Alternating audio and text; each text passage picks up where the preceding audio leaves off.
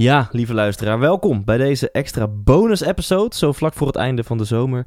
Um, en voordat ik deze episode aan jou ga laten horen, heb ik een bijzondere mededeling voor je. Want de Hoe de Fuck Vind Ik Geluk Theatertour, die gaat eindelijk weer van start. Na een jaar van verplaatsen, van annuleringen, ik denk dat je wel weet waarom en waardoor, gaat het nu dan eindelijk echt gebeuren. En wel in acht theaters door heel Nederland. En uh, je moet er snel bij zijn. Je moet er snel bij zijn, want 9 september beginnen we al. Ik zal zo dadelijk alle datums en locaties met je doornemen. Um, maar je bent dus welkom. Je bent van harte uitgenodigd bij de Hoe de Fuck Vind Ik Geluk Theatertour. En je zou deze show kunnen zien als een vervolg op de 100% Inspiratieshow. Het is dus een gloednieuwe show. Dus als je de vorige show hebt gezien, dan is dit een heel tof vervolg daarop. Heb je de 100% Inspiratieshow niet gezien, ja, dan ben je natuurlijk ook van harte welkom. Want we gaan het hebben over eigenlijk een ontdekkingstocht naar verbinding met jezelf. En als je mij een beetje kent, dan doen we die ontdekkingstocht op een hilarische, leuke en zelfs muzikale manier. Ik denk dat je mij echt een aantal keer goed kunt uitlachen om uh, ja, mijn fuck-ups en wat ik allemaal wel weer meemaak bij mijn ontdekkingstocht naar de verbinding met mezelf. Maar ik durf ook wel te beloven dat er uh, wat inspiratie voor je in zit. En we gaan die avond zelfs een oefening doen waardoor je al wat meer die verbinding met jezelf kunt voelen. En dat heeft echt een magisch effect. Wil je daarbij zijn? Uh, luister dan goed, want bij deze de volledige tourlijst op 9 september, dat is dus echt heel erg snel al, dan, uh, dan trappen we af in Heerenveen. 10 september in Alkmaar, 11 september in Eindhoven, 16 september in Os, 17 september in Gouda, 22 september in Amstelveen, 24 september in Dordrecht en 27 september ja, wederom een afsluiter in het Beatrix Theater in Utrecht. Dus wederom ook bij deze tour is jouw allerlaatste kans om deze show te zien, het Beatrix Theater. En dus wel op 27 september in Utrecht. Check thijslindhout.nl slash tour. Dat kan je op zijn Nederlands of Engels schrijven, maakt niet uit. En dan vind je de volledige tourlijst en linkjes naar de theaters, want uiteindelijk loopt de kaartverkoop en alles via de theaters. Dus check thijslindhout.nl slash tour. Ik vind het fucking bijzonder als je erbij wilt zijn. Uh, als je mijn vorige show hebt gezien, dan weet je een beetje wat je kunt verwachten. Heb je mijn vorige show niet gezien, nou, dan heb je denk ik al wel afgelopen jaar in deze podcast af en toe een sneak peek gekregen over wat uh, we gaan behandelen en hoe zo'n show er, eruit ziet. En um, ja, ik wil heel veel dingen verklappen, maar dat moet ik gewoon niet doen. Dus uh, check je, je, je ticket, claim je ticket op thijslindhout.nl slash tour. En dan een linkje naar deze aflevering. Eén van de onderwerpen die ik deze avond aanstip, dat is um, ja, rouw. Het feit dat het leven eindig is. En dat is nu precies waar Annemiek Dogan mij over wilde interviewen. Want um, vorig jaar is mijn moeder overleden. Um, een van de topics die uh, aan bod komt tijdens de show. Um, daar ga ik niet te veel over verklappen. Maar uh, in deze podcast-episode, ja, mocht je ooit een dierbare hebben verloren, ik hoop van niet, maar dan vind je denk ik veel herkenning en erkenning. En anders, ja, hoop ik toch dat dit een inspirerend en mooi gesprek voor jou is, waarin ik ja, word geïnterviewd en inga op hoe ik omga met deze um, gebeurtenis. Um, klinkt misschien een beetje gek, maar dus toch enjoy uh, um, deze episode. En hopelijk tot in het theater. Lijkt me echt heel bijzonder om elkaar daar weer te gaan zien en te ontmoeten. Tot snel! Mijn naam is Annemiek Dogan en je luistert naar de 100% Inspiratie Podcast.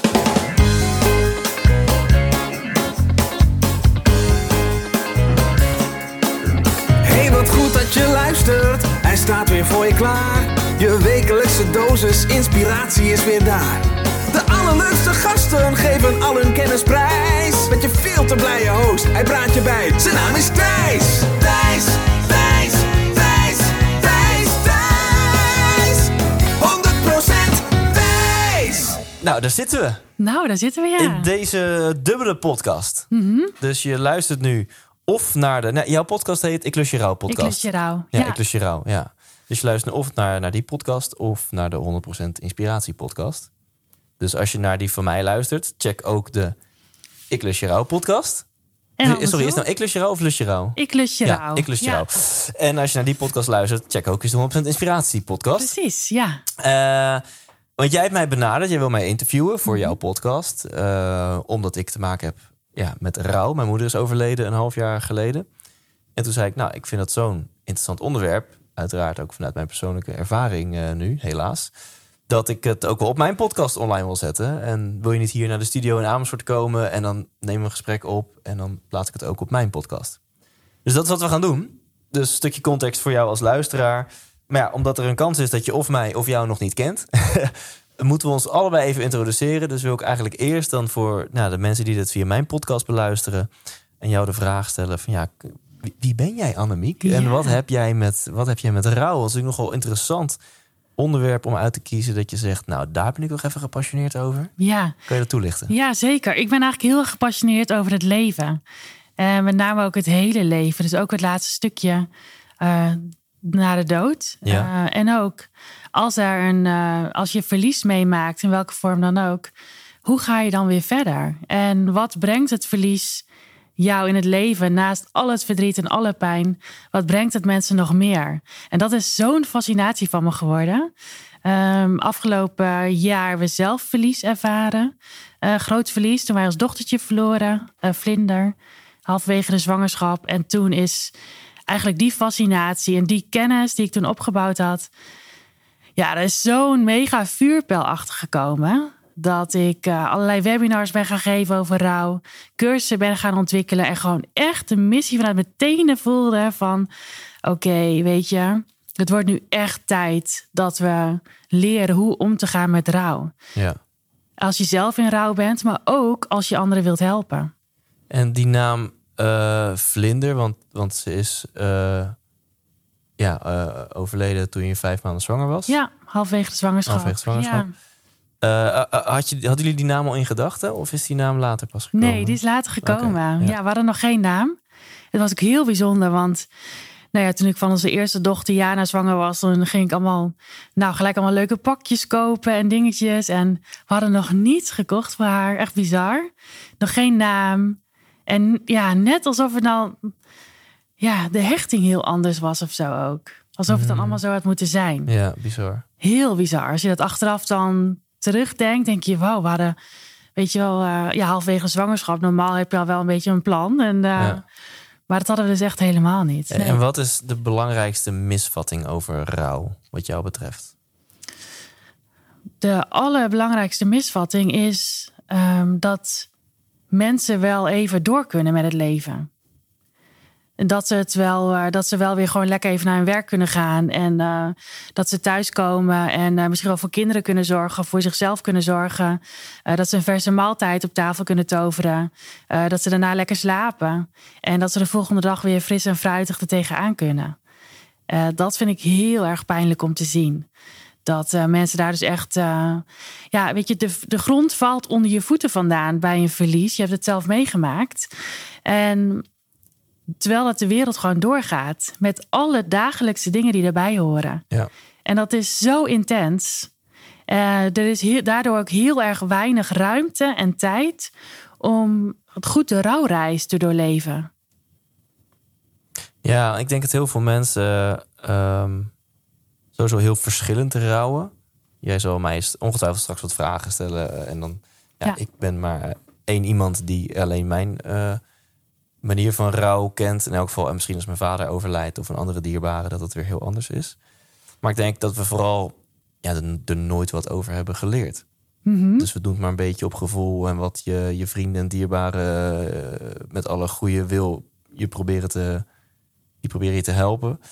Um, maar, maar wat of maar ja, hoe, hoe zou je. Wat zou je mensen willen meegeven die nu luisteren en die, die, die, die in rouw zitten? Of die dat misschien ooit nog mee gaan maken, helaas waarschijnlijk. Mm -hmm. Zodat je iets meer. Um, ja, voor zover dat kan, iets prettiger of iets beter het proces kan meemaken. Of, ja. of dat je het beter kan verwerken. Ja, ja het, is een, het is een hele grote vraag ook die je stelt. Omdat het rouw is echt voor iedereen anders. Het, is, het, dit lijkt een beetje op een vingerafdruk. Dus als we het zien, dan herkennen we allemaal van... oh ja, dat is een vingerafdruk. Maar als je goed kijkt, dan zijn alle lijnen bij iedereen is het weer anders. Um, wat ontzettend belangrijk is, is dat je goed blijft voelen. Dus durf die pijn aan te kijken. Durf daarmee te zijn. Durf echt daar doorheen te gaan. Um, en durf daarbij ook voor jezelf te kiezen. Dus durf grenzen aan te geven. als ehm, eh, durven aan te geven wat je nodig hebt. Dus er zijn, wat ik heel vaak hoor, is dat, eh, ja, dat mensen zich een beetje alleen gelaten voelen. En dat de eerste paar weken zijn er allemaal mensen die eh, willen helpen. En er, er, komen heel veel kaarten en bloemen. En er is heel veel aandacht en, en zorg. Mhm.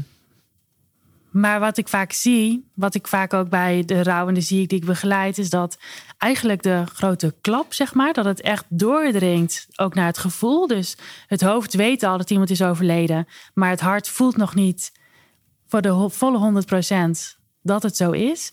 Dat komt pas veel later. En dan is iedereen eigenlijk alweer bezig. En, en dan pas kan het uh, kan echt, ja, kan, die, dat kan het verdriet gewoon nog zoveel intenser zijn. Terwijl ga, ga maar eens, als je weer een half jaar naar het werk bent, ga dan maar eens aangeven aan je baas van, nou, en nu uh, wil ik eigenlijk wel halve dagen gaan werken, want uh, uh, ja, mijn moeder is overleden. Ja, maar dat was toch al een half jaar geleden. Ja, je moet ook wel weer door met je leven. Hmm. Snap je? Dus het is, dit, het is dus zo weinig ruimte voor rouw. Er is Ja. voor überhaupt voor emoties, denk ik. Dus als je zo'n klap meekrijgt, dan is het ook ineens, ehm, ja, jeetje, wat voel ik nou eigenlijk allemaal? En eh, hoe, hoe kan ik daar nou mee omgaan? Dus, er, dus er, er komt van alles los, er komt van alles ehm, bij kijken. Veel verdriet dus en veel pijn door het verlies. Ehm, daarnaast natuurlijk ook hele mooie herinneringen die er ook mogen zijn. En eh, waar ook heel prachtige rituelen voor te verzinnen zijn. Mhm. Tegelijkertijd heb je ook je, de, de toekomst aan te kijken. Waarin iemand er niet meer in levende lijf is. Ja. ja.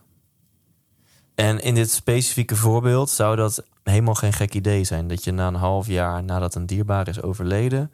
en hij keek dan pas echt in. dat je zegt: Ik ga halve dagen werken. Want wat in mij opkomt is: ja, maar wat ga je dan die andere halve dag doen? Ga je dan gewoon stilzitten op de bank en je kut voelen? Nou ja, jij, jij, bent, jij bent natuurlijk een half jaar geleden je moeder. Je moeder is een half jaar geleden overleden. Mhm. Dus hoe ervaar jij dat nu? Mooi. Ja, Ehm, ja, ik zou bijna willen zeggen, misschien moet de klap nog komen. Ehm, aan de andere kant heb ik ook echt wel al heel veel verdriet gehad en gevoeld. Ehm, dus echt de. ehm, ja, je gaat vast nog veel meer vragen stellen, want anders kan ik een antwoord geven van, van drie kwartier. Want het was heel plots hoe ze overleed. Gewoon echt, ik zet ochtends mijn telefoon eh, aan. En eh sms'je, mama is overleden. Terwijl ze niet ziek was. eh er was niks aan de hand. Dus ja, eh ene moment weet je niet beter dan dat je gewoon een, eh, leuk weekend bij je vriendin bent in Eindhoven. En eh, dat je een moeder hebt en dat er niks aan de hand is. En een paar uur later ben je het, het lichaam van je moeder aan het wassen. Om, zodat ze opgebaard kan liggen. En in echt in, letterlijk in een paar uur tijd. En s'avonds zit je met z'n allen in een restaurantje en denk je, wat de fuck is er vandaag gebeurd? En die, die week heb ik heel veel, echt uren aan haar bed gezeten en gewoon de, ja, de tranen uit mijn kop eh, gejankt. Ehm, met mijn vriendinnen aan mijn zijde, wat echt super fijne steun was. Dat was echt mega fijn. En we hadden nog best wel kort een relatie, echt nog maar een paar maanden. Dus dat was best wel heftig. Dus ik heb echt wel eh, de verdrietige momenten gehad. En eigenlijk vanaf het moment dat we ehm, de uitvaart eh, hadden gehad, ja, beperkt zich dat tot, ik denk gemiddeld één momentje per week dat ik er eh, aan denk. En dan, eh, dan voel ik me wel echt verdrietig. Niet ik denk er elke dag aan, maar het komt, denk ik, zo'n, ja, het klinkt een beetje heel rationeel dit, maar ik denk om, om gewoon indicatie te geven, ik denk dat gemiddeld één keer per week voorkomt dat ik nog even een traantje laat. En dan kan ik in de auto zitten, omdat eh, de Circle of Life van Elton John wordt gedraaid. Of het is moederdag, of het is haar verjaardag. Dat zijn natuurlijk sowieso dagen dat hij even binnen, binnenkomt. Of ik heb in mijn auto heb ik een vlinder liggen. eh, Vlinder was het, eh, het thema van mijn moeder begrafenis. En dat, dat, dat was ook een heel belangrijk thema in haar leven. Dus oh eh, wauw. haar poes heette Vlinder en het hele huis vol vlinders. En de kist was vol vlinders en zo. Ach, Dus dat is ook weer... nou, daarom vroeg ik ook door naar de naam van, van jouw dochter. ja. Dus er ligt een vlinder in mijn auto. En bijvoorbeeld vorige week toen... Me, mijn vriendin was even in de supermarkt wat aan het halen. Ik was op de parkeerplaats aan het wachten. En ik keek zo naar die vlinder. En ineens schoot ik vol. Dus eventjes zo'n momentje van... Ja, dat ik gewoon echt even aan mama denk of mama voel. Ehm, en natuurlijk ook het hele proces van het huis. Want ze liet een huis na. Waar ze in de eentje woonde. Samen met mijn broer dat huis leeg halen. En al door al haar spullen heen. En soms vind je interessante spullen. Uh, of we hebben zelfs nog een brief gevonden van vroeger en zo. Dus ik ook, ehm, denk ik, heel erg fijn voor het proces. En, en, en heel erg uh, ja, fijn voor de verwerking. Maar antwoord op je vraag is, ik nu een half jaar. Ik heb ook wel eens mensen gesproken die zeggen... ja, ik heb gewoon een jaar lang na het overlijden van mijn moeder...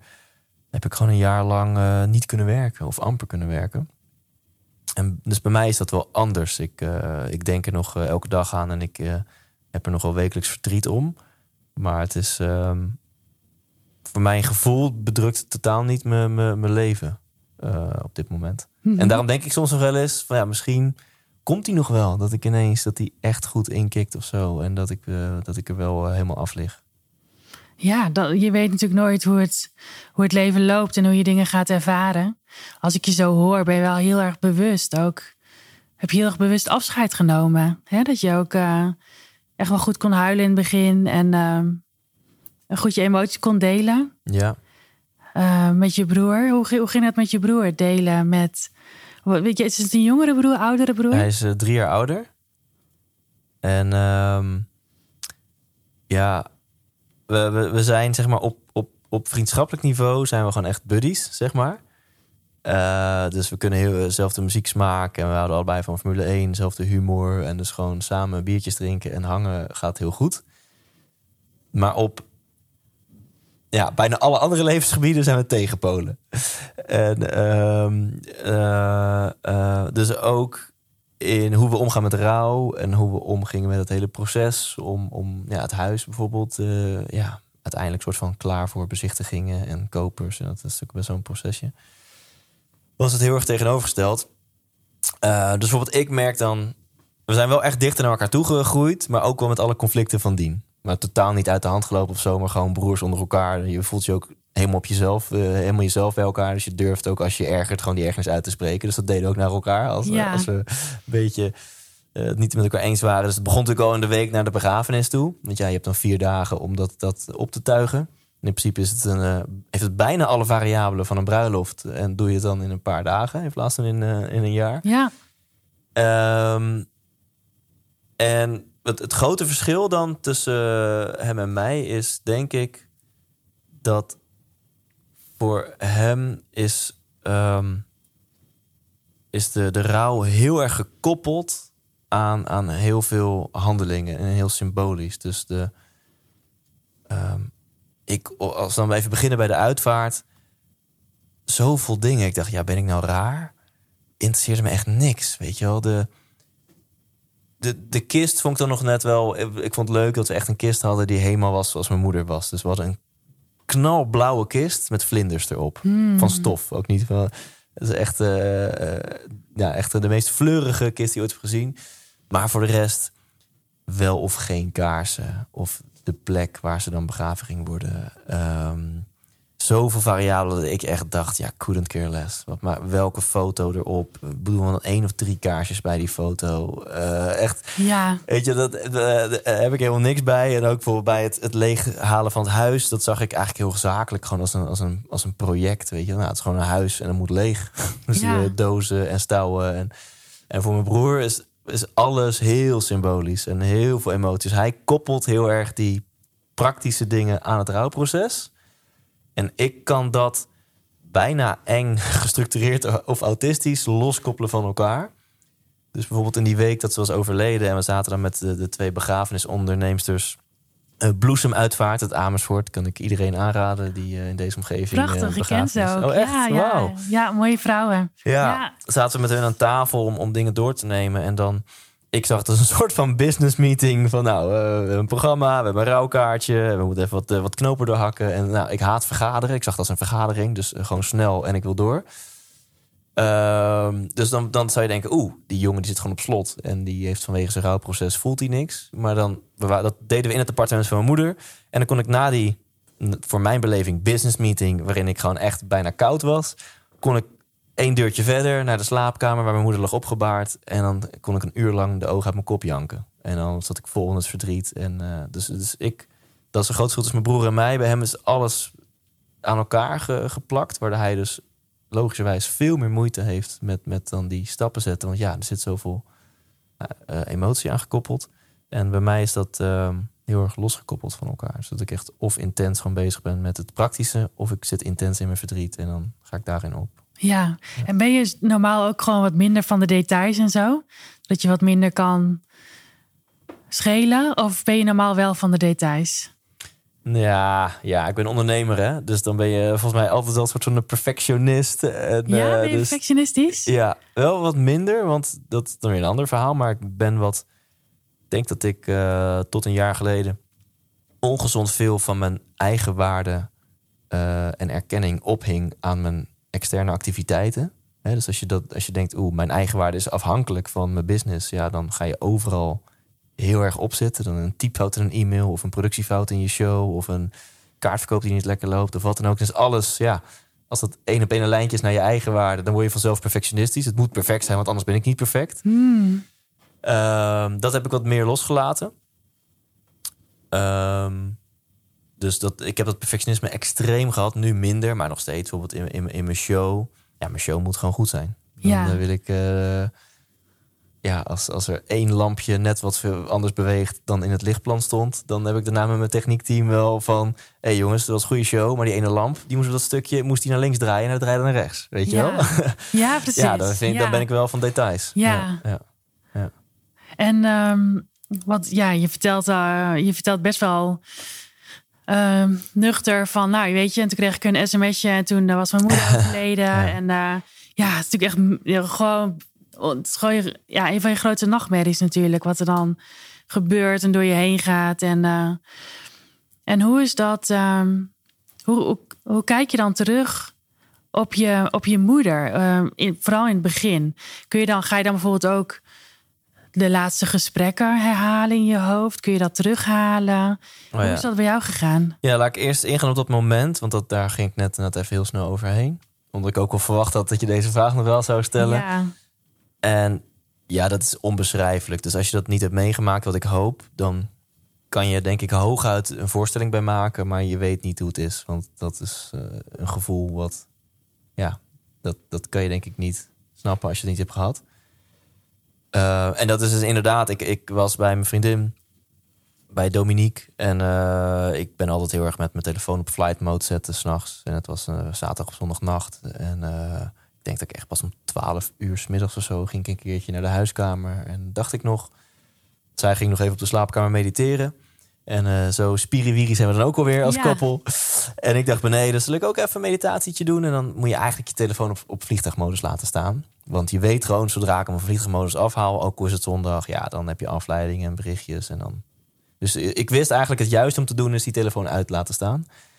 Maar iets in mij zei, nou, laat ik hem toch maar even, weet je, misschien heb ik een belangrijk berichtje, je weet het niet. Dus ik zet hem aan, echt om 12 uur middags, flight mode af. Ja, en dan, eh, ik heb geen WhatsApp, alleen sms. Dus er komt zo boven je scherm op een iPhone, komt zo, zo'n pushmelding omlaag geleden.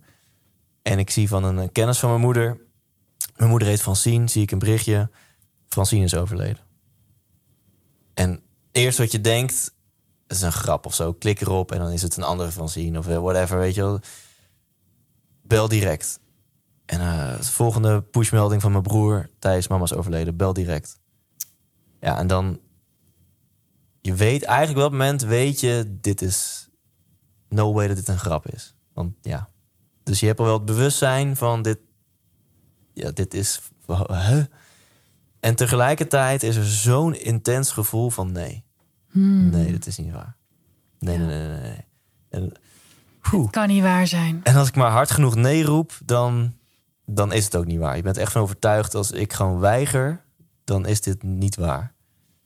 En ehm, ja, dus toen ik belde met mijn broer op en ik ben nog nooit van mijn leven in, in shock geweest. En het enige wat ik zei, Harm, dit is niet waar. Dit is niet waar. Harm, dit is niet waar. Dit is niet waar. En, en hij wist het al een paar uur eerder, want het was eh, 's s'nachts zo gebeurd. Hij was al iets rustiger. Hij zegt, Thijsie, ik weet het man, Ehm, maar kom nu naar Haarlem. Daar ligt ze nog op de plek waar ze is overleden. En eh, het is wel waar. Oh, En eh, ja, dat is zo. Dan hang je op en dan. Ik zei ook, ja, ik bel, ik bel zo over terug, Harmpie. Ik, ik kan even niks nu. Het is gewoon zo- zo'n gek moment. En dan begint het rouwen al. Dan gaat het door je heen van... Wow, mijn leven gaat vanaf nu verder zonder moeder. Niet zoals het bij mij ging. Hè? Nee. En dan, ja, ik naar boven. Zeg ik ook nog tegen, tegen Dominique... "S- Sorry dat ik je stoor. Weet je wel? Zo Ach ja. "S- Sorry dat ik je uit je meditatie haal, maar ik heb, mijn moeder is overleden. En ehm, ja, dus dat, dat is gewoon zo weird. Dat, dat kan ik nog zo goed, goed terug, eh, terughalen. En dan, ehm, en je vroeg, ja, hoe kijk je dan terug op je, op je moeder? Ja, en dan- even zeg maar, Ja? eh, hoe...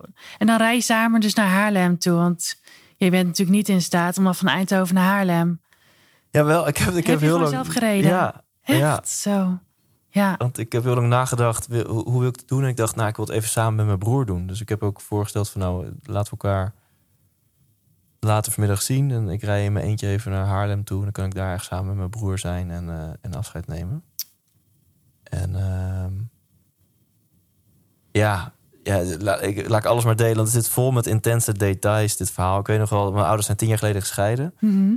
Ehm, en niet met haat en nijd of zo. Alhoewel, het was, was, het was niet super gezellig thuis, eh, op z'n zacht gezegd. Maar de, de scheiding is gewoon redelijk harmonieus gegaan. Eh, en sindsdien hebben ze eigenlijk geen contact meer. Ehm, en dus wel harmonieus, geen haat en nijd, maar geen contact. En ik had een maand daarvoor of zo in een meditatie ineens het gevoel van ja, het is wel gewoon mijn gezin. En laten we gewoon weer een keer met z'n vieren in één ruimte zijn. Ik ga dat organiseren. Hmm. Weet je wel? En dan papa niet aanstellen, want ik weet dat hij het misschien eens leuk zou vinden. En ik wist dat mama er op zich voor open zou staan. En mijn broer ik ook wel. Ik ga, gewoon even met z'n vieren in één ruimte zijn. En dan hoeven niet eens, het maakt niet uit waar we het over hebben. Maar gewoon, we zijn een fucking gezin en we zijn al tien jaar niet in dezelfde. Dat slaat nergens op. Dus ik had zo'n zo'n zo'n inzicht tijdens een meditatie. Nou ja, be careful what you wish for. Dus ik rijd naar Haarlem. En ik onderweg mijn papa al bel. Ik zei, papa, ik vind het fijn als jij er ook bij bent. Wil je ook naar Haarlem toe komen? Want ze had s'nachts een hartinfarct gehad. Ze lag daar nog op dat bed. Ja. Ja, en dan sta je daar ineens met z'n vieren in een ruimte. Dus ik met tranen in mijn ogen. Ik zo, jeetje, ik heb ik had laatst nog in de meditatie de wens om weer een keer met z'n vieren in een ruimte te zijn. Ik had alleen even niet voor me gezien dat het op deze manier ging gebeuren. En eh, ik weet niet eens meer wat je vraag was. Maar dus dus, ja, ik ben dus in mijn eentje daarheen gereden. En, dus, en op die manier... eh zo ook het moment toen ik daar aankwam en mijn broer was er al eerder... en dat ik hem in de armen vloog. Ja, dat zal ik nooit vergeten. Nee. Nee, dat vergeet je ook niet. Dat Nee. is dan ook echt een... Wat je de rest van je leven ook samen deelt. Ja, Ja. Ja. Ja. Heel intens. Ja. Nou, dank je. Ik zie dat je, Ja, dat je ik, raakt ook, tuurlijk. Ja. Dank je wel in ieder geval dat je het eh, zo deelt. En zoveel liefde voor je moeder voel ik ook. ja. Ja. absoluut. Ja. En kun je het, ehm, kun je het laatste gesprek met je moeder nog herinneren? Eh, ja. Had je eh, veel contact met haar? Wat, hoe was de band eh, tussen jullie? Ja, ehm, dat, is- dat is ook heel eh, interessant en misschien niet toevallig gelopen. Maar ze is op een zaterdagnacht overleden en ik heb er voor het laatst gesproken die woensdag. Had ik gewoon aan de lijn. En ehm, ja, het was gewoon een normaal gesprek. Gewoon leuk, gezellig. Zij was op vakantie. En, eh, de enige ergernis was dat de wifi zo slecht was, want dan kon ze minder contact met mijn broer en mij hebben. Ah, ja. Zo'n liefdevolle moeder. Ja. En, ehm, maar de, mijn contact met haar was, was in de maanden en in de weken naar haar overlijden toe eh, intenser dan het ooit was geweest. En dat is dus nu terugkijkend heel opmerkelijk, want het was niet bekend dat ze doodging. Ze was niet ziek of zo. Dus ehm, nou, zou kunnen zijn dat, daar, we- dat het misschien niet toevallig is.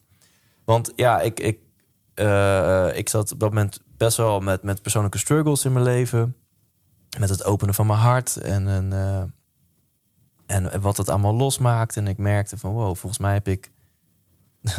volgens mij is dit er. Volgens mij heb ik de vrouw gevonden waar ik eh, mijn leven mee wil leiden. En volgens mij is dit het level liefde gevonden waar ik misschien al mijn hele leven naar op zoek ben. Nou, en je zou denken dat als je daar komt, dat dan alles in je lijf denkt: ah, ontspanning. hier heb ik al 32 jaar naar verlangd en nu is het er Ja. relaxed. Ik ga er lekker van genieten. Nou, je zou willen, je zou willen Ja. dat je brein zo werkt. Bij mij in elk geval niet. Bij mij, what the fuck, dit is er niet voor mij. Ik ben helemaal niet goed genoeg. Er wordt niet van mij gehouden. Ik kwam echt in een soort van angstaanval. Terwijl ik me en, eh, ook gewoon heerlijk, gelukkig, verliefd en, eh, en geliefd zou kunnen voelen. En dat gesprek ben ik met mijn moeder gaan openen. Van, hey, hoe komt dat? In ieder geval, mam, ik zit hierin. Dus was- werd een soort van steun van mij. En kan dit misschien met vroeger te maken hebben? Want waar ik, ja, ik voel van binnen een soort van overtuigingje dat er dat ik moeite heb om te geloven dat liefde er voor mij is. En is dat, hoe, hoe was dat toen ik werd geboren of toen ik babytje was? En, nou, daar gaf ze allemaal goud eerlijk antwoord op. Ehm, en nou, ik zal details eh, niet delen, maar samengevat was er gewoon goud eerlijk over. Van nou, ik kan me. De liefde was er altijd. Vanaf dat je in mijn buik zat. eh, overvloed, onvoorwaardelijk. Alleen ik kan me voorstellen dat het voor jou misschien niet altijd voelbaar is geweest. Hmm. Omdat ze ook gewoon zelf dingetjes had die ze nog aan het verwerken was van haar eigen jeugd en leven. Dus er wa- daar was er gewoon goud eerlijk over. En, en dat zorgde ervoor dat we zo'n diepere band kregen. Ehm, en dat, ik, dat het echt, het is natuurlijk mijn hele leven lang aan mijn moeder geweest. Maar voor het eerst werd het ook echt mijn maatje. Als in die ik echt belde van als ik met dingen zat. En dat ik haar advies vroeg. En op dat gebied hadden we misschien een beetje een oppervlakkige band. En op, op dat gebied ja, kregen we eigenlijk een hele mooie verbinding. En, en, en kon ze me heel veel troost bieden. Kon ze me wijze lessen delen. Kon ze me geruststellen. En eh, echt die moederlijke liefde, weet je. Echt die deken van, van ach Mm. lieve zoon, liefde is er voor jou. En het komt echt wel goed, weet Ja. je wel. En eh, dat contact ging ook over de sms. Dus ze heeft echt een aantal hele lange sms'jes gestuurd. Die ik echt eh, voor de rest van mijn leven koester Zo. waarin ik ja, sommige. en op de begrafenis heb ik er eentje veel voorgelezen. En ja, gewoon alles wat je wil horen van je, van je moeder staat daarin, zeg maar. En ze was nooit zo'n tovenaar met woorden of zo. Eh, dus dat, dat, dat intellectuele, of dat, dat heb ik misschien meer van, van mijn vader. Maar ineens de, de, de wijsheid die, die in die sms'jes zat. En de, de woordkeuze en, en hoe ze dat was ook niet des mama's. Echt dacht, wow, dit is een nieuw level van, van, van wijsheid en van liefde die ik van haar eh, ervaar. Hmm. Ehm, ja, dus een van onze laatste berichtjes is nog eh, dat ik naar haar stuur van mama, ik voel je onvoorwaardelijke liefde en ik ben zo blij en trots dat jij mijn mama bent. Ach, Dat is, Wat dat is, een- prachtig. dat is twee dagen voordat ze overleed. wauw, wat mooi dat je dat hebt gestuurd. Ja, Toen was ze dus op vakantie. ja, Ja. ja. Wauw. Eh, dus dat laatste contact is heel, heel mooi geweest. En het is eh, natuurlijk balen dat ik denk, nou, net op het punt dat ik met mijn moeder naar een eh, nog mooier level ga van, van verbinding. Of misschien zelfs dat ze ook echt op latere leeftijd ook voelt als mijn moeder. Hè? Dus iemand die echt een soort van boven je staat in de opstelling dan. En die ja, jouw wijze levenslessen kan geven en die jou kan steunen. Het was misschien iets te plat geworden. Dat we gewoon dat ik naast haar stond of zo. Ineens stond ze weer boven me, de plek die je moeder hoort te hebben, volgens mij. Het is heel jammer dat dan, ja, dat, eh, tot op de dag van vandaag, weet je, dat had, dat had dan was fijn geweest om nog iets langer te kunnen genieten daarvan. Maar aan de andere kant kun je het ook van de positieve kant bekijken. Van nou, wat mooi dat, dat dit nog wel is gebeurd voordat ze ging. Ja. En ze zal natuurlijk altijd die plek hebben. Ja, En de liefde zal ook altijd blijven. En de relatie verandert. ja, Maar ze zal altijd jouw moeder op die plek zijn. ja. Ja. Want hoe, nu een half jaar later is het echt nog mega vers. En eh, kan ik me helemaal zo voorstellen hoor. Mhm. Ik weet niet hoe jij dat ervaart. Ehm, heb je ook, kun je ook de, de, ik noem het altijd de parels van de rouw. Mhm. Ehm, dat is altijd als je echt door de pijn heen bent gegaan. En je hebt de, het verdriet aangekeken en alles gevoeld wat erbij komt kijken. Dan kunnen er ook mooie dingen aan rouw zitten. En is, is dat iets wat je nu kan ervaren? Ehm, ja, want ehm, sowieso kan ik ergens, ja, klinkt misschien heel raar, maar ook de spirituele perfectie zien in de, de timing van haar overlijden en zo. Ook al, ja, op aardsniveau is het gewoon te vroeg. Ik zeg 68, wat een, wat een onzin. En eh, waarom gaat ze zo snel en zo plotseling? Maar op spiritual level, en dat kan je niet verzinnen, dat kan je alleen maar voelen. eh, voel ik iets van, hé, hey, er zit een bepaalde perfectie in of zo. Hmm. In de timing en, en, en alles. En dus waar, de, de, de, de, jij noemt het de parel van rouw? Ja, dan, dan is wat mij betreft de grootste parel dat ze is echt in een bad van liefde gegaan. Dus ze heeft echt de laatste paar jaren, maar zeker de, en nog meer de laatste paar maanden en weken van haar leven heeft ze echt laten zien wie ze echt is. En heeft ze echt Mm. die ja, nog meer in ieder geval voor mij was nog meer dan ooit voelbaar die onvoorwaardelijke liefde. Eh, terwijl het is ook, we hebben ook echt shit gehad thuis. Dus, dus weet je wel, ze heeft zich ook in bepaalde periodes, en ik snap waar dat vandaan komt, want ik ken haar verhaal ook nu meer dan ooit. Ehm, maar ze heeft zich niet van de beste kant laten zien. En dus ik, ik heb niet een hele. eh, ja, ik heb ook veel onprettige herinneringen aan, aan, aan mijn jeugd. En dat, dat niet helemaal veilig voelde thuis. Of veel onrust en, en veel onvoorspelbaarheid en zo. Ehm, waarin ze ook periodes had waarin ze echt, eh, denk ik, amper in contact kon komen met haar eigen liefde. En meer met, met haar eigen trauma en angst. En dat uitte zich ook in gedrag. Dus, ehm, en dat is helemaal niet wie ze is. Je bent niet je trauma, je bent niet je pijn, je bent niet je angst. Maar ja, soms worden we daar wel door overgenomen. Merk ik zelf ook als geen ander de laatste tijd. En dan word je gewoon niet de beste versie van jezelf. Dus ik heb er toen in die tijd altijd wel vergeven. Maar ja, heb ik natuurlijk niet echt die liefdevolle kant van haar zoveel gezien als ik zou willen zien. En nu is ze echt gegaan, echt zoals ze echt is. En, Ja, en, echt en, op haar en allermooist. bomliefde. Ja, precies. En, ja. En is dat de herinnering die achterblijft, zeg maar. ja, dus dat En is ook... Dat is een parel. ja, wauw. En het is echt een troost dus ook voor je. Ja. Ja, dan haal je troost uit en kracht. En ja, en als je het. Want hoe reageerde de omgeving? Want je moeder is plotseling overleden. Eh, nou, dan ga je dat ook andere mensen natuurlijk vertellen. Businesswijs, maar ook eh, ja, vrienden. Waar dan ook, kennissen. Op een gegeven Ja. moment komt iedereen het. Hè, dan gaat op een gegeven moment zo'n lopend vuurtje, hè, dat Mhm. iedereen het weet. En eh, hoe, wat voor reacties kreeg je? Wat, wat waren opvallende reacties? Ja, ik heb, ik heb dan bijna medelijden met die mensen. Want ik heb het zelf ook wel eens meegemaakt. Dan, je weet gewoon niet hoe je moet reageren. Je Ja. denkt, ja, fuck, ik moet er nu voor diegene zijn. En dus echt je inner circle, echt je beste vrienden, die, die, dat gaat wel lekker of zo. Die weten wel gewoon, die kennen je ook het beste. En die weten ook wel dat, dat, dat ze zelfs wel een beetje een grapje over kunnen maken. Ehm, dus bij mij, ik denk echt mijn, mijn, mijn, eerste graads vrienden, zeg maar. Dat, dat, ik weet niet meer. Ja, ik weet nog wel dat ik een eh, Vincent, een goede vriend van mij, opbelde. En die was gewoon stil aan de telefoon. Die zei van ook, eh, ja, ik heb gewoon niks te zeggen, man. En eh, wow. En dat ik denk dat we gewoon een paar minuten stil zijn geweest aan de telefoon. Zo, ja. Ehm, maar nou, daaromheen merk je aan de sms'jes en de berichtjes en zo dat.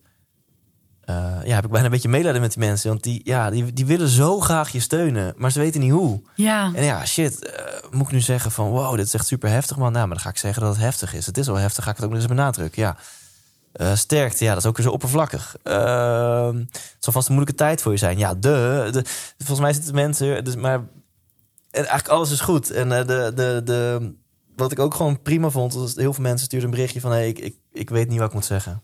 Ik, eh, ik heb echt geen woorden hiervoor, maar ik denk aan je en eh, ja, ja. ik hoop dat, het, eh, dat je het zo goed mogelijk kan verwerken. Dus dat is ook nu advies als mensen luisteren. Ja, dat, laat gewoon wat van je horen. En als je niet weet wat je moet zeggen, zeg dan gewoon: Ik weet echt niet wat ik moet zeggen. Ja. Het raakt me enorm. Absoluut. Ja. En ook wat, wat die Vincent, dan die vriend, deed, ook prachtig om gewoon even te luisteren. ja. En te luisteren, al is het naar de stilte. Ja. Maar dat je wel je gehoord voelt. Ja. Hè? In je verdriet. En tenminste, ik kan me voorstellen dat je er echt wel daardoor gezien voelde. In plaats van dat hij gaat ratelen over zijn verlies. Ja. Of allerlei quotes op gaat noemen. Of toch? Ja, nee, nee, precies. Ja, er Ja. zijn wel een paar don'ts. En dat is denk ik met, Ja. je, met je eigen als persoonlijke associaties aan de haal gaan. Ja, even je Of- eigen verhaal erdoor. Ja. ja. Nee, dat, eh, dat is wel echt wat ik... eh, ja, iedereen die luistert en die zegt van... ja, wat moeten we dan wel doen? Is inderdaad wat je zegt. Zeg gewoon als je niet weet wat je moet zeggen. Dat is helemaal oké. Ja. Super logisch. Het is echt zo groots en zo verdrietig. En zo... Ja, iets wat je bijna ook niet kan raken in woorden. Ja. En luister. Ja. Dus eh, ik kan me ook nog herinneren dat ik af en toe dan ook een appje kreeg met gewoon alleen even een hartje.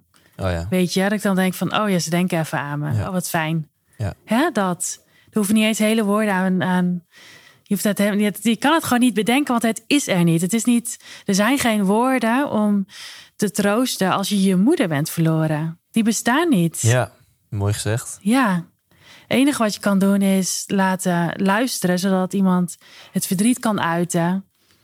En dat lucht op. Tenminste, ik kan me voorstellen dat het huilen naast je moeder en het huilen misschien aan de telefoon, misschien bij je vriendin, dat het dat verlicht. Ja.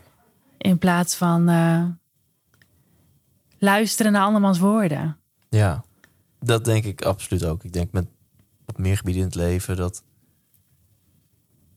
durven te zakken in de emotie, dat dat, eh, dat, dat vergt ehm, ook wel wat moed of zo. Want je, je wil, we willen zo graag niet voelen. Mhm. Maar ik denk ook zeker met rouw gewoon het, het durven te voelen en misschien zelfs de gelegenheid opzoeken om het te voelen, dat dat, ehm, dat, dat eh, het mooiste is wat je kan doen voor het proces. Ja, En eh, dan heb ik eigenlijk geluk dat ik een broer heb die dan op dat gebied wat emotioneler is en echt dingetjes organiseert. En dan bijvoorbeeld op, op volgens mij was het de verjaardag. En eh, ik heb er dus oprecht niet zoveel mee. Ook met kerst. Iedereen, oh, dit zal wel zwaar voor zijn. Dit zal wel zwaar, ja. Zo'n kerst, I don't know. Ik heb eigenlijk eh, altijd best wel een hekel gehad aan kerst. dus, eh, al die fucking gourmet-rotels. ja. dus die, die had ik niet zo. Ehm, dus volgens mij heb ik met kerst geen, geen traantje weggepinkt of zo. Maar ehm, bijvoorbeeld op mijn moeders verjaardag. Als, ja, ik ben dan weer zo lomp. Als het aan mij had gelegen, had ik misschien eh, niet eens echt bij stilgestaan of zo. En met mijn broer dacht, ja, eh, Thijs, wil je die dag blokken? Ik wil heel graag dat jij er voor mij kan zijn. En ik, nou is goed, dan blokken we die, blok ik die dag. En hadden we het graf afgesproken. En toen kwam ik daar en had hij dat, dat ja, dus ik liep nog naar het graf toe, gewoon relaxed. Van nou, mijn moeder is jarig en eh, nou, we gaan even langs het graf dan. En dat graf is nog helemaal niet mooi, want ja, dat pas na een half jaar mag je er een steen en zo opleggen. Klinkt een beetje cru, maar Ja. het zand moet nog een half meter zakken, want die kist en alles wordt natuurlijk een beetje eh, opgegeten door de natuur. En dan mag er pas een steen op. Maar ik kom er bij het graf aan. Hij was blijkbaar al eh, twee uur eerder gegaan. Dan was hij dat hele graf versierd. En een taart en, en Ach, een wijntje en slingers. En ja, toen, eh, ik voel het nu weer. Dan, eh, ja, dan kom ik daar en dan schiet je gewoon meteen vol. ja. En dan merk je toch al hoe fijn het is om dat gewoon op te zoeken. Wauw. Die, die momenten om er gewoon echt even goed bij stil te staan. En samen ook te zijn. Ja, Ja. Wat, wat ontzettend dapper dat hij dat zo kan. En ja. heeft hij dat altijd al gehad? Dat hij goed met gevoel, zoals hoe ging het vroeger bij jullie? Qua Ehm, gevoel. Ja, ik denk dat we wel gevoelige jongens zijn in elk geval. Dus dat mag er ook wel zijn vroeger. Ehm, ja. Ja, denk het wel. Ik denk dat we... Ik had het net over een bepaalde veiligheid die ik misschien heb gemist. Ik heb laatst ook een podcast opgenomen over hechtingstijlen. En dan snap ik misschien precies, oeh, de angstige hechtingstijl, die heb ik. Hmm. En die heb je als er eh, eh, niet consequent werd omgegaan met aandacht en liefde en veiligheid. Dus je hebt het wel gevoeld, maar heel inconsequent. Dus daar komt een hele angstige hechtingstijl vandaan. Ehm, maar, ehm, dus eh, ik had het net even kort over dat ik misschien wel een bepaalde veiligheid heb gemist. Maar er was absoluut wel ruimte voor onze emoties. Ik kan me niet herinneren dat, dat, dat mijn emoties veel werden afgewezen of zo vroeger thuis. Dus ik Ja. denk dat mijn ouders dat wel heel goed hebben gedaan. Dat, eh, ja, ik denk dat mijn broer en ik eh, eh, ook gewoon ondanks onze mannelijke kant ook gewoon twee gevoelige kutten zijn. En dat Ja. dat, Wat ja, fijn. Ja, dat dat, dat het altijd wel heeft mogen zijn. Ja. Dat, dat zal je nu ook inderdaad dan helpen in de, qua veerkracht. Ja. En, eh, en het kunnen Ja. omarmen ook van Ja, de en weet je, ik ben heel benieuwd hoe als dit, want dit gebeurde dus in een periode waarin ik al heel veel dingen aan het loslaten was. Ineens hoefde ik niet meer zoveel erkenning uit mijn succes te halen. Eh, mijn hart ging open. Ik, ik, ik eh, ehm, ja, werd überhaupt al wat kwetsbaarder en wat gevoeliger. Ik had jarenlang niet gehuild. Gewoon jarenlang geen traan gelaten. Zo, alleen bij een film, dan kon ik het wel. Dat is ook psychologisch te verklaren, want dan is het je held altijd om projectie. Dus stiekem hel je toch om iets wat in jou zit. Maar bij een film is het veilig. Want dan kan je ego zeggen: ja, maar nu heil ik om die film. Weet je. Dus ik had jarenlang niet geheld. En, en, maar door het openen van mijn hart en, en het proces waar ik in kwam, werd ik uh, jankte ik bijna elke dag. werd ik al heel gevoelig. Dus er, was al veel gaande in mijn leven. En toen overleed mijn moeder. Als ze drie jaar geleden was overleden, uh, ben ik heel benieuwd hoe ik ermee om was gegaan. Want toen, toen bij wijze van spreken had ik toen kunnen denken: fuck, het komt wel slecht uit. Want ik had deze week een hele hoop dingen op de zaak willen doen, zeg maar. Hmm. Dus ik ben heel benieuwd hoe het dan uh, was gegaan. Je zat veel meer in je hoofd ook. Ja, ja, Ja. absoluut. Absoluut. En misschien was het dan een event geweest die mij had, had, had, had, had kwetsbaar had gemaakt en had losgebroken. Of misschien niet. Misschien was ik er dan heel zakelijk of lomp mee omgegaan. En I don't know. Maar het, het is dus gelopen zoals het is gelopen en dat is perfect. Ja. Ja. Ja, het heeft echt zo moeten zijn dan. Ja. Ja, en in wat je zegt, veel te jong voor een aards leven. Mhm. Want je was ook bezig, vertelde je net, eh, met een theaterprogramma. Ik vind het ook zo'n bijzonder verhaal. Ja. Ongelooflijk hoe dat gegaan is. Je was bezig om een theaterprogramma te schrijven. En ehm, je wilde dus een item over rouw erin. Ja, ja dit, uh, dit vertelde ik jou inderdaad net. En uh, ja, dit is een te bizar verhaal om niet te delen ook in deze podcast. En misschien Ja. dat mijn vaste luisteraar het al ergens een keer heeft gehoord. Maar, uh, en mijn vaste luisteraar weet sowieso dat ik uh, theatershows doe. dus mocht je dat nog niet weten, Ja. nou ja, ik doe theatershows. Ja. En uh, ik was net mijn, mijn tweede theaterprogramma aan het schrijven. En voor de duidelijkheid, dit was vorig jaar zomer. Mijn, moe- mijn moeder leefde en was geen enkele sprake van dat, dat, dat, dat, dat, dat daar iets in ging veranderen. En uh, ik vond het super spannend, het schrijven van een nieuw programma. Want ja, je, misschien dat heel veel andere artiesten dat ook wel herkennen. Je hoort natuurlijk ook wel vaak bij, bij uh, muzikanten die doorbreken. Dat, dan, dat, dat tweede album is dan echt een dingetje. Want ja, dat eerste album heb je kunnen schrijven zonder enige druk. Want je was nog een no-name, niemand verwacht iets van je. En, en toevallig is dat een succes geworden. Maar dan moet je ineens een tweede album schrijven met de druk op de ketel. Dus Ja. ik had dat ook met mijn theaterprogramma. De eerste show is ontstaan in, in, in vijf, zes, zeven, acht jaar tijd. Uh, dat begon in, in, in, in echt letterlijk in de seats to meet. Voor, uh, voor, voor, voor 15 mensen. En, en, en misschien een keer in een uh, half theater met de TL-lampen voor, voor 30 mensen. En allemaal vrienden en bekenden. En jaren, jaren, jaren later werd ik wat bekender, werd die show professioneler. En, en door heel veel uren te maken was het uiteindelijk gewoon een, een theaterprogramma wat ik 40 keer heb gespeeld, verspreid over drie tours. En uh, nou, je mag wel spreken van succes van die 40 shows, uh, bijna allemaal uitverkocht. Ik denk zo'n 36 van de 40 waren uitverkocht. Super. Afsluiter in het Beatrix Theater, 1500 man. Succes. En daarna zeg je boeker, nou, komt een nieuw theaterseizoen aan. We plannen 25 shows. En uh, kan je even een nieuw programma schrijven. Dus uh, daar begon ik van de zomer mee, lekker op tijd. Dus ik zat in juni zat ik voor een blanco A4'tje. Nou, het is nu uh, 1 juni. En 1 oktober of 2 oktober is de première van mijn Ja. nieuwe theaterprogramma. Succes. Ja, en mijn theatershows, daar zitten verhalen in. eh, maar ik doe ook veel met muziek en drums. Dus er moeten dan medleys gemaakt worden. Er worden animaties bij gemaakt. Een lichtplan moet allemaal getry-out worden. Zowel technisch als gewoon inhoudelijk. Dus het was voor mij echt spannend van dit is the moment of truth. Misschien kan ik dit niet. Hè? Misschien val ik door de, het imposter syndroom. Misschien komt nu heel de wereld erachter, inclusief ik, dat, ik dat, dat het allemaal een grapje was. En ik kan het eigenlijk helemaal niet. ja, wat gewoon geluk. Ja, Ja, precies. Was dat gewoon, eh, precies. Het was gewoon geluk, Ja. de eerste show.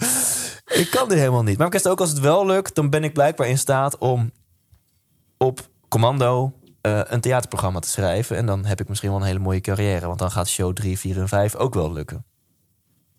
Nou, ik eh, brainstormen, alles verzamelen wat ik misschien weer, weer kon delen. Wat heb ik meegemaakt in mijn leven en dit en dat en dat. Met mijn regisseur getry-out en getest. En uiteindelijk was ik ervan overtuigd... er moet een blokje over de dood in die show. En die is ook blijven staan. Terwijl ik had veel te veel materiaal geschreven een tijdje. Ik had twee uur en een kwartier. Maar die show mocht maar één uur en een kwartier duren. Vanwege eh, dat we er twee op een avond zouden doen. Vanwege corona. En ehm, ja, het was heel logisch geweest om dat blok over de dood te schrappen. Want het was eigenlijk niet heel relevant. En, maar iets, ik kan me dat ook niet meer herinneren. Maar iets in mij vond, nee, ik wil... Dood is ook gewoon een belangrijk onderdeel van het leven. Dus dat moet in die show. Nou, dus ik had een rauw medley voorbereid. Met afscheid nemen bestaat niet. En Under the Bridge van Red Hot Chili Peppers. En al die, de hele, de hele rouw top 10. En dan wel als geintje had ik nog je broeder ingeknald. Met hoop dat je deze draait op mijn begrafenis. Oh ja. Nou, en, ehm, en bij die try-outs zei ik letterlijk tegen de zaal... want ik heb het een paar keer gewoon echt voor, voor live eh, publiek... eh, van vlees en bloed getry-out.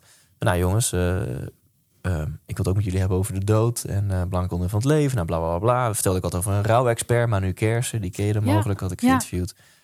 En ik zei letterlijk... en ik heb het geluk dat ik nog nooit een dierbare heb verloren in het leven.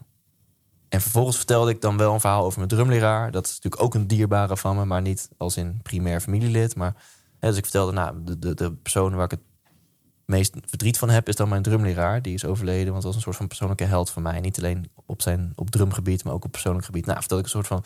Ik had echt bedacht om Bernard Beeftink, om hem in het zonnetje te zetten met een foto en dat verhaal erbij vertellen. Maar letterlijk zat dus de zin in, in dat programma. Ja, ik heb het geluk dat, nog, dat ik nog nooit een dierbare ben verloren. En ik denk dat die laatste try-out was ergens in augustus. En 13 september overleed mijn moeder. En letterlijk twee, ja, letterlijk op de dag nauwkeurig, twee weken na de begrafenis, was de première van die nieuwe show. En eh, ja, dus één moment sta je je moeder te begraven. En twee weken later weet je dat je in een theater staat om een show te, eh, niet te try-outen, maar te lanceren. Om de première van een show te doen waarin je het ook gaat hebben over de dood. En toen was voor mij de keuze, ik denk de keuze dat, dat ik niet eens heb nagedacht. Ik wist gewoon, nou dan ga ik het over mama hebben. Ja. Dus het verhaal van die rouwexpert gaat eruit. Eh, met alle respect voor mijn lieve drumleraar, dat verhaal gaat er dan ook uit. Ja. En dan, dan ehm, wordt dit gewoon het verhaal van, eh, van mijn moeder. Dus ik vertel eh, nou ja, een aantal dingen die ik ook in deze podcast heb verteld. Op mijn manier vertel ik dan kort wat over mama die is overleden. En dan de rouwmedley heeft de show niet gehaald. Dat hadden we toch bedacht, dat is, dat is te intens. Ja. Eh, maar niet te veel spoilen. Want ik hoop dat mensen nog lekker naar het theater gaan komen. Maar eh, ik heb besloten om wel The Circle of Life te spelen. En dat liedje heeft voor mij een hele grote betekenis. Omdat ik vind het, eh, het concept heel mooi. Hè? The Circle of Life. Uiteindelijk ga je. En nou, als je kinderen hebt, dan leef je voort in hen. En dat is, dat is de mooiheid en ook de hardheid van de natuur en het leven. Eh, Lion King is ook een film geweest die altijd mijn indruk heeft gemaakt. Mijn moeder draaide die cd van Elton John heel vaak in de huiskamer. Dus dat hele Circle of Life is voor mij gewoon gekoppeld hieraan. En, dat is wel pittig, eh, we hebben de begrafenis buiten, ik wil bijna zeggen gevierd, maar het was, het was ook bijna een viering. Het was echt een heel mooie show bijna. Eh zon scheen, in het gras. Eh, het was dan ook een, echt een trouwlocatie, zeg maar. Is echt een mooie locatie, grasveldje, witte stoeltjes. En dan ehm, droegen mijn broer en ik en onze twee vriendinnen... Ja, wij droegen mijn moeder, de, de kist, droegen we ja, naar binnen of naar buiten, naar het veldje toe. Terwijl de Circle of Life werd gedraaid. Zo begon de, de uitvaart. Ja, dus ik ben onwijs geankerd dat de Circle of Life was voor mij al impactvol. En nu is dat ook nog eens gekoppeld aan het binnendragen van mijn moeder aan het begin van de dienst. En ja, heb ik besloten om dat liedje in de show te stoppen. Dus elke show vertel ik het verhaal over mijn moeder. En nou, uiteraard leg ik ook de link naar het publiek van dit liedje draag ik op aan mijn moeder. Maar ik wil jou vragen om dit liedje op te dragen aan een dierbare die jou is ontgaan. Mm. En eh, wat jij ook net ook eigenlijk zei, dat zeg ik er ook bij. Die, die, die, de parels van rouw. Wek die persoon eens tot leven. Het mooiste wat je eigenlijk kan doen voor jezelf en die persoon is om die persoon levendig te maken. En denken aan de mooie herinneringen en mooie kanten. Ja. En dan, eh, Zo, zo'n intens moment uit je leven. En dan met zoveel mensen delen. ja. Ja. Ja, het is, het is natuurlijk niet eh, het, het ehm, piekmoment van de show. Qua, in ieder geval qua eh, lachen, gieren, brullen. Want da- daarna dan, moet je de tranen uit de zaal bijna opvegen. Mhm. Ehm, maar dat vind ik, dat, ja, dat hoort er gewoon ook bij. En merk je dan ook, want ik kan me ook voorstellen dat, het je, dat je juist door deze emotie ook toe te voegen, dat je dan daarna ook juist nog harder kan lachen. Ja, dus dat is dan weer mijn rol als, als I don't know, entertainer of zo. Om hem wel te laten landen. Mhm. Maar daarna ook gewoon weer snel. ehm, ja, als hij helemaal echt goed geland is, dan maak ik ook een nou, dan moeten mensen maar naar de show komen als ze Ja. weten welk grapje dat is. Zo Maak ik echt een super flauw grapje die je niet ziet aankomen. Maar een soort van het ijs weer gebroken en dan kunnen we weer door naar het volgende onderdeel. En dan doen de lampen wat. Eh, Dus ik heb helemaal, ben, daarin ben ik dus perfectionistisch van hey, eh, bij dit thema wil ik die kleurbelichting. Maar vanaf dat grapje rollen we gewoon weer de show in en een nieuw thema. En dan moeten de lampen van kleur veranderen. Ja, en dan voelt iedereen ook subliminal of onbewust van hey, we gaan weer verder. En dan kunnen we gewoon weer lachen ook. Ja, maar zo intens dan ook zo'n avond. Want dan ga je misschien met een vriendin ga je daarna, daar naartoe. Oh, we gaan naar Thijs Lindhout, toch? Ja. Of we gaan, eh, ja, of je gaat eh, met je partner. Of, eh, maar ik heb, ben zelf ook enorm fan van, fan, fan van het theater. En als je dan dat soort avonden hebt, dat je met elkaar kan lachen en huilen. En dat je dan zoveel na te praten hebt en zoveel te voelen samen. Ja. Dat is echt. Dat, dat vind ik zelf persoonlijk echt de mooiste avonden die, Ja. die er zijn. Dat, dat hoop ik dat het echt een avond is met een lach en een traan. Ja, En eh, volgens mij willen we voelen, toch? Dat hoort Ja. bij het leven. Je wil voelen en verbinden. en verbinden. En door- ja. om te verbinden heb je ook gevoel nodig. En, Ja. en is het ook heel mooi als je ziet van, oh, mij raakt het. Oh, eh, degene met wie ik ben raakt het ook. Dat delen we, weet je? Daar vinden we verbinding.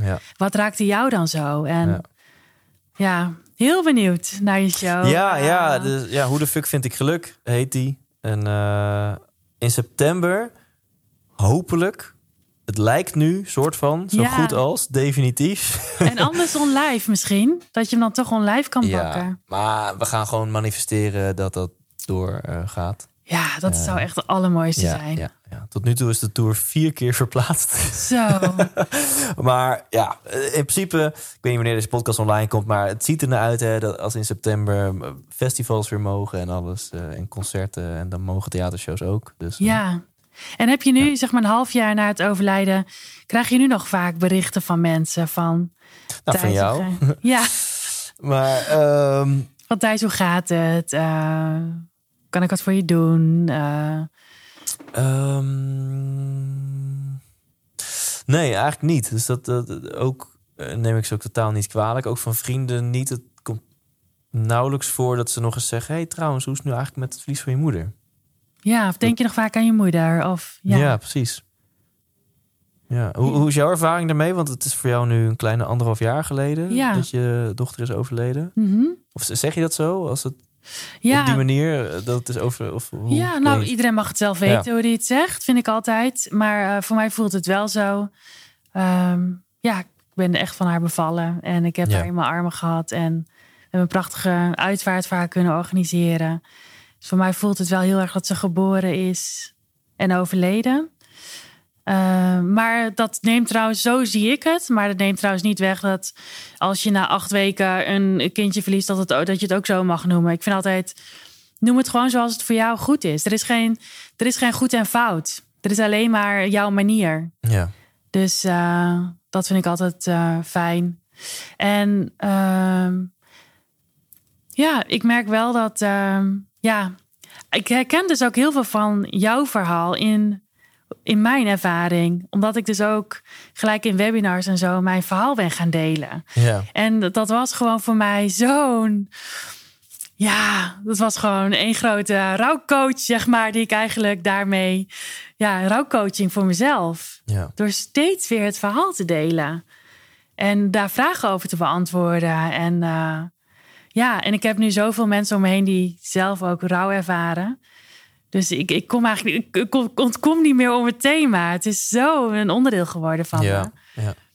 En merk jij dan dat mensen, dan vooral je, je dierbaren, dat, dat die nog regelmatig daarnaar vragen? Van hey, Ehm, hoe is het met, eh, met het verlies? En, ehm, Nee, eigenlijk Nee. niet. Nee, niet zo. Ehm, wel bijvoorbeeld toen het een jaar later was, kreeg ik eh, lieve kaartjes en bloemen. En eh, nou, dat super fijn. Nee, niet echt dat ze zeggen van, goh, hoe is het nou met het verlies? Denk je nog vaak aan wat voor eh, rol speelt het nu in je leven? Of nee, dat niet zo. Ik, ik merk wel dat ik er zelf best wel makkelijk over praat. Dus Ehm, bijvoorbeeld afgelopen weekend waren we bij mijn ouders en dan kan ik ook zo zeggen: Oh ja, toen bij Vlinde was het. mm, Dus het is voor mij wel heel. eh, het is er ook wel gewoon. ja. Over, ma- mag ik iets eh, vertellen? Ja. Hè, nu we er toch zitten. Nou, Wat over vlinder gesproken. Ik vind het ook weer gewoon mooi. Is ook geen toeval of zo, denk ik. ja. Ehm, en ik weet ook wel dat, dat een vlinder is wel een, een vaker gebruikt symbool volgens mij bij een begrafenis. Mhm. Eh, en ja, ik kan dit denk ik wel gewoon openlijk delen. Dat ik, eh, ik had een post geplaatst op Instagram een week na de, na de uitvaart. Een mooie zwart-wit foto van mijn moeder en mij.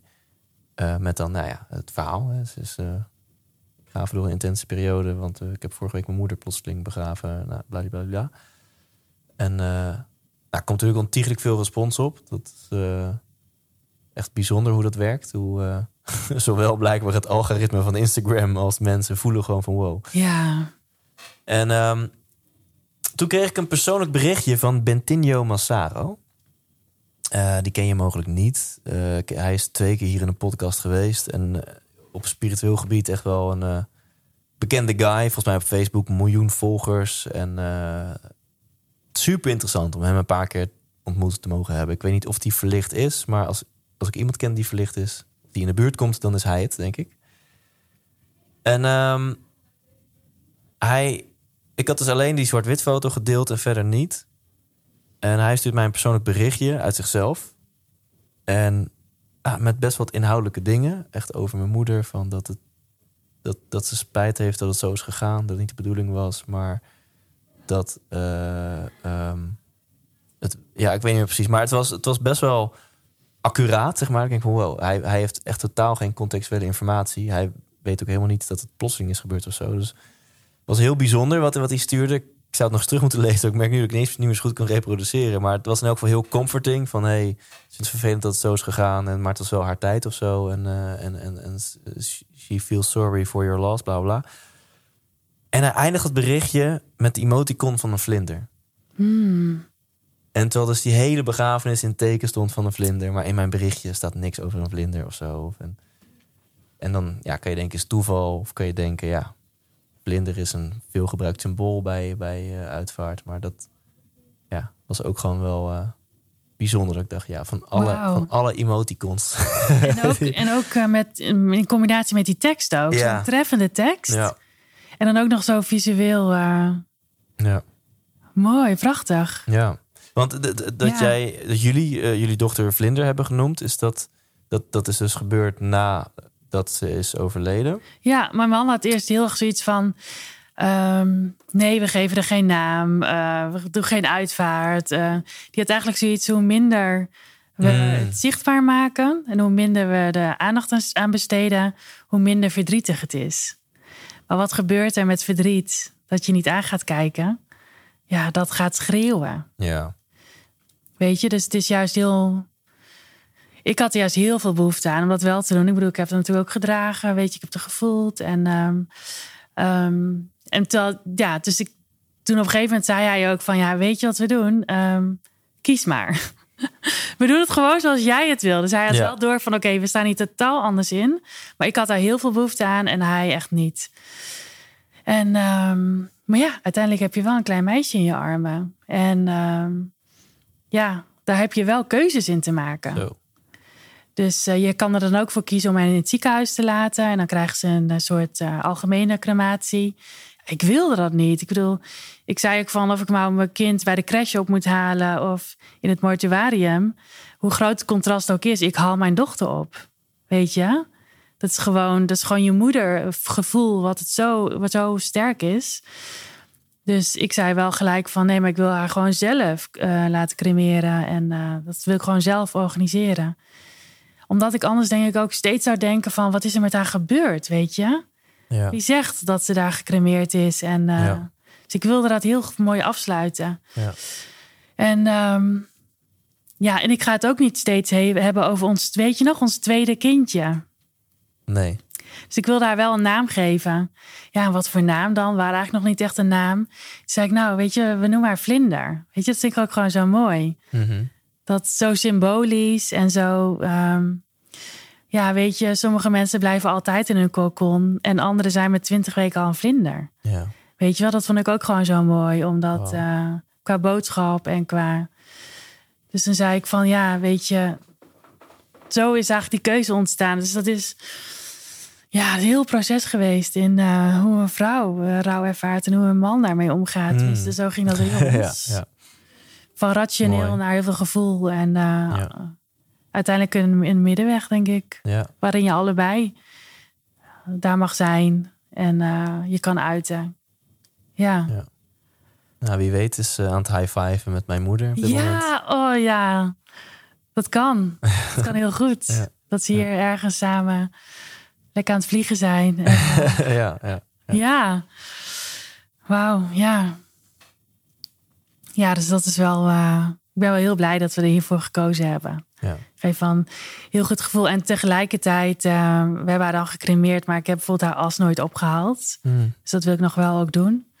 Dus tegelijkertijd merk ik ook wel wat jij zegt van met bepaalde symbolische dingen of met rituelen waar je dan wat minder mee hebt. Dat voel ik ook wel. Dat het, eh, ja, dat ik, dat ik dan soms ook wel denk van ja, ik heb daar gewoon niet zoveel mee. ja. Weet je, bijvoorbeeld ook met haar bandje en zo. Die, ik heb dat onuitgezocht. eh doe die maar. Dat, ja, Ja. ik vond het eigenlijk al wel heel snel oké. Ja. Voor mij is, is zij nu meer een soort energie die om me heen hangt. En een soort beschermengel. Dan dat het eh, heeft gelegen. Wat geloof jij in... ja, dus het, het, het soort van het, zielen, het zielenbestaan. eh, dat, dat, dat ze hier nog ergens is. En dat je contact met haar kan maken. Of dat soort dingen. Ja, ik, eh, ik merk dat ik niet echt kon. Ik merk dat ik een. Dat ik eigenlijk altijd wel een soort lijntje met haar heb. Mhm. Ehm, maar ik, ik, het is niet dat ik haar om advies vraag of dat ik haar om eh, steun vraag of zo. Ja. Dat niet. Maar het is wel dat ik haar energie voel. En ja, ik ben daarna ook zo hard gegaan in mijn missie. Dan denk ik, ja, het is gewoon, dat heeft zij mij gewoon echt gebracht. En nog steeds. Ja. Dat is gewoon, dat is een bepaalde. Ja, ik kon het ook vrij snel, kon ik het accepteren. Ik heb niet echt een periode gehad dat ik dacht, waarom nou ik? Ja. Ja, waarom ik niet? Ja. Dat was voor mij ook wel heel sterk dat ik dat. Ja, eh, dat is merk dat. Ja, ik denk dat ik. Maar ja, hè, interview me over een jaar nog eens. mhm. Ik denk dat ik vrij snel in de acceptatie. De, wat ik natuurlijk, hè, toen ik dat sms'je kreeg, zat ik er even niet.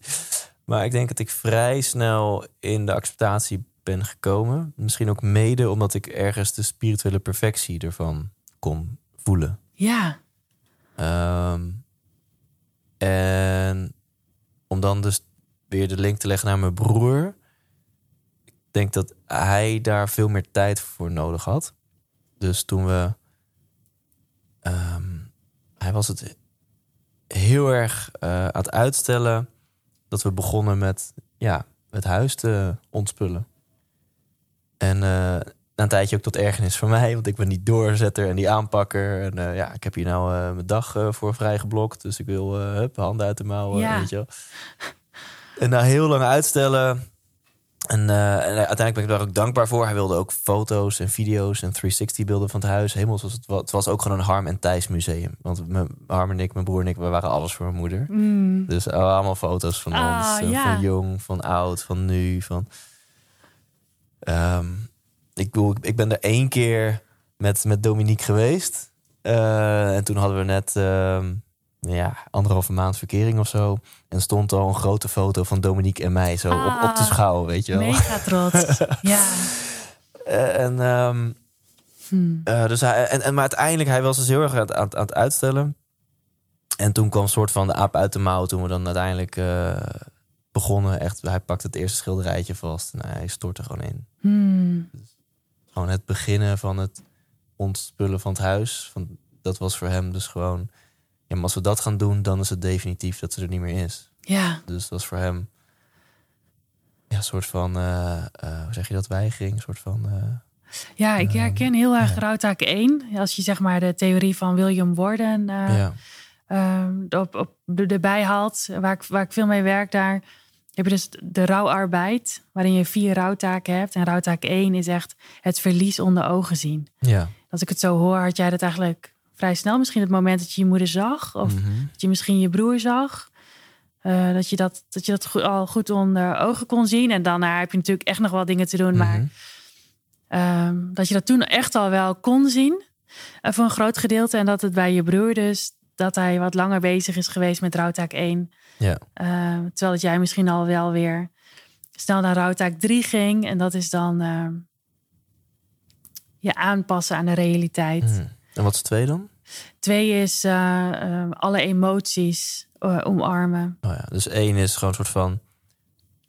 eh, hoe noem je acceptatie? Ja, de echte acceptatie. Dus het echt het verlies onder ogen zien. Ja. En rouwtak 2 is dus echt, nou ja, alle Het emoties voelen, ja. er zijn. Ja, dus goed uit ook in boosheid, in al het gevoel mag er zijn. Drie is ja, echt de Aanpassen, aan dus- een nieuwe realiteit. Ja. En dat doe je dus op drie verschillende niveaus. Dus dat doe je op extern niveau. Ehm, je bent nu ineens een, een jongen, een man zonder moeder. Mhm. Eh, dus daar heb je op te anticiperen. Op eigenlijk de mening van anderen, de, hoe de we- buitenwereld naar jou kijkt. Ja. Maar dat heb je ook te doen met misschien praktische dingen. Dat jij zegt van ja, ik belde mijn moeder steeds vaker op. Oh ja. Dat je dan daar eigenlijk een, een aanpassing in maakt. Je zegt nou, dan bel ik niet meer mijn moeder, maar ik bel nu mijn vriendin. Ja. Of ik bel nu mijn broer. Of nou ja, in ieder geval Ja. ga je op aanpassen. En de derde, dat vind ik zelf een hele mooie, dat is het spirituele niveau. Dus dat is eh, dat je eigenlijk anders naar de wereld kijkt. Ja. Misschien is je. Ja, misschien kijk je, omdat je zegt van ja, het was spiritueel zo perfect. Dat je misschien ook het geloof in het leven wel wat meer Mhm. hebt- kan zien hierna. Wat je erop vertrouwt, dat je er misschien wat meer op kan vertrouwen. Ja. Ondanks dat het mega oneerlijk is en veel te vroeg en je het heel anders had gewild. Ja. Eh, en dan heb je dus rouwtaak 4 en dat is herinneren en weer opnieuw leren genieten. Mm, ja. En het is 1 tot en met 4, maar het kan maar zo zijn dat jij 1 eigenlijk heel kort aangetikt hebt en gelijk naar 3 ging. Mhm. Maar dat het later Ja. eh één nog weer even langskomt. Of dat ik twee nog wat meer aandacht mag geven. Ja, maar dat, dat verschilt dus echt per Ja. persoon. En je kan ook in één dag alle vier de rouwtaken meemaken. Mhm. Eh, dat mag ook. Dus het is de, maar dit zijn zeg maar de, de smaken waarin je wat, wat je zou kunnen herkennen. Ja. Waardoor je ook goed zou kunnen voelen wat je, wat je nodig kan hebben. Ja. Ja, en over vier eh, gesproken, herinneren en weer genieten.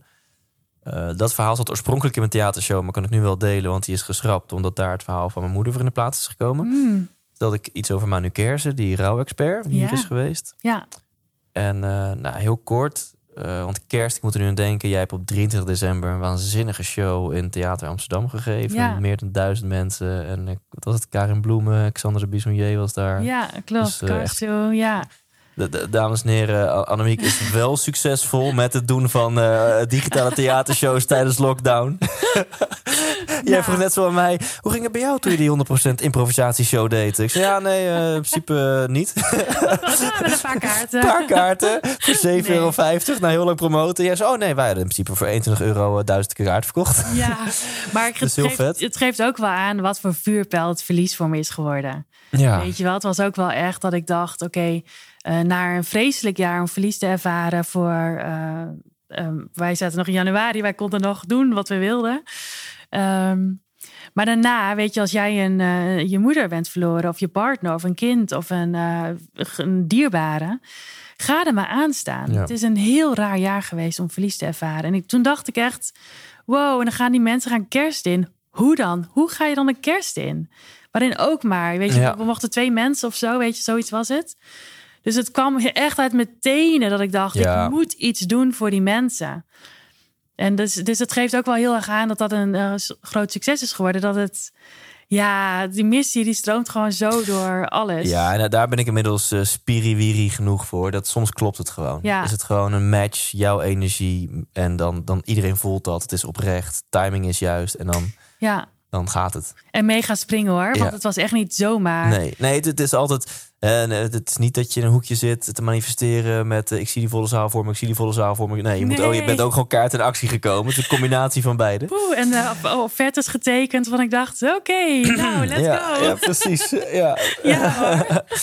En, eh, maar ik ben Ja. benieuwd hoe jij hierover denkt. Want dat was op heel mooie timing. Dan de dag voor kerstavond, dan denk ik. ja, Of- ja.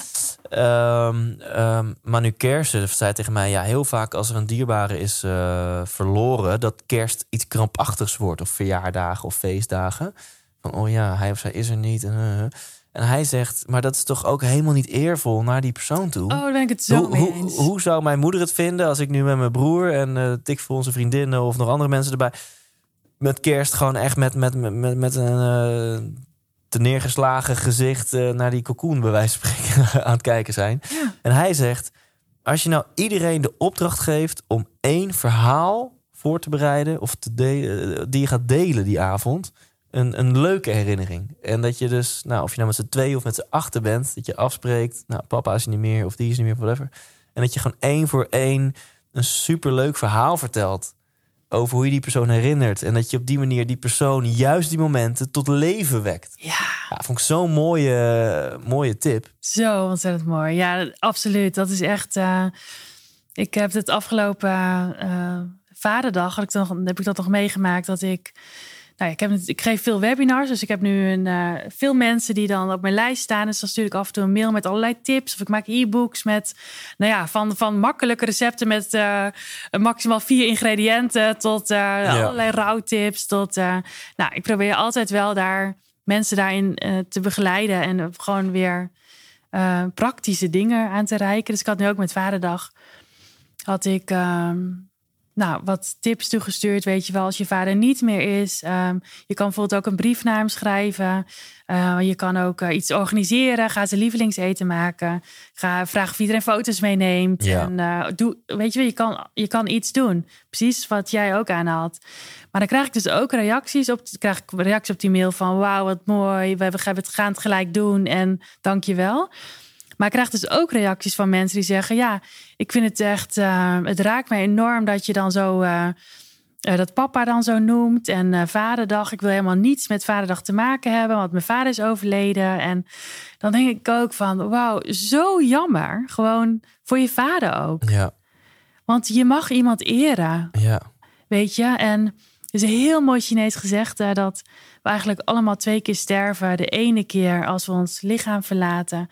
En de tweede keer als onze naam nooit meer uitgesproken Mm. wordt. En weet je, dat mogen we ook gewoon nog veel meer omarmen. Ja. Ook, weet je, ook als je. ehm, ik had bijvoorbeeld een vriendin en haar moeder is overleden. Ik heb haar moeder nooit gekend. Maar ze zei: Ik zou het wel gewoon wat vaker over haar willen hebben. Ik zeg: Nou, vertel eens over je moeder. Nou, ze was zo'n ABBA-fan en dit en dat. Nou, zij vertellen. Ik zeg: Weet je wat we doen? We gaan een ABBA-feest organiseren. En we gaan het gewoon, weet je, we gaan foto's van je moeder ophangen en quotes en dingen. En we gaan haar lievelingshapjes maken. En dat er allemaal mensen komen, want het was al, nou ja, meer dan twintig jaar eerder eh, overleden. Dat allemaal mensen komen die haar nooit hebben gekend. Wat maakt het uit? Ja. Ja. Toch? Ja, ik vind dit waanzinnig. En Ja. ik, ik weet niet waarom, maar ik moet ineens aan, aan, de, aan de uitvaart denken van mijn moeder. En daarin, tuurlijk, dat is natuurlijk altijd een moment waarin je die persoon eert. Ehm, maar ja, op een of andere manier vind ik het fijn om daar wat over te delen. Nu ik toch in deze podcast als soort van halve therapie zit. en misschien inspireert het mensen. Eh, wij hebben daar niet op bezuinigd. En ik vertelde net dat bepaalde details interesseerden me geen reet.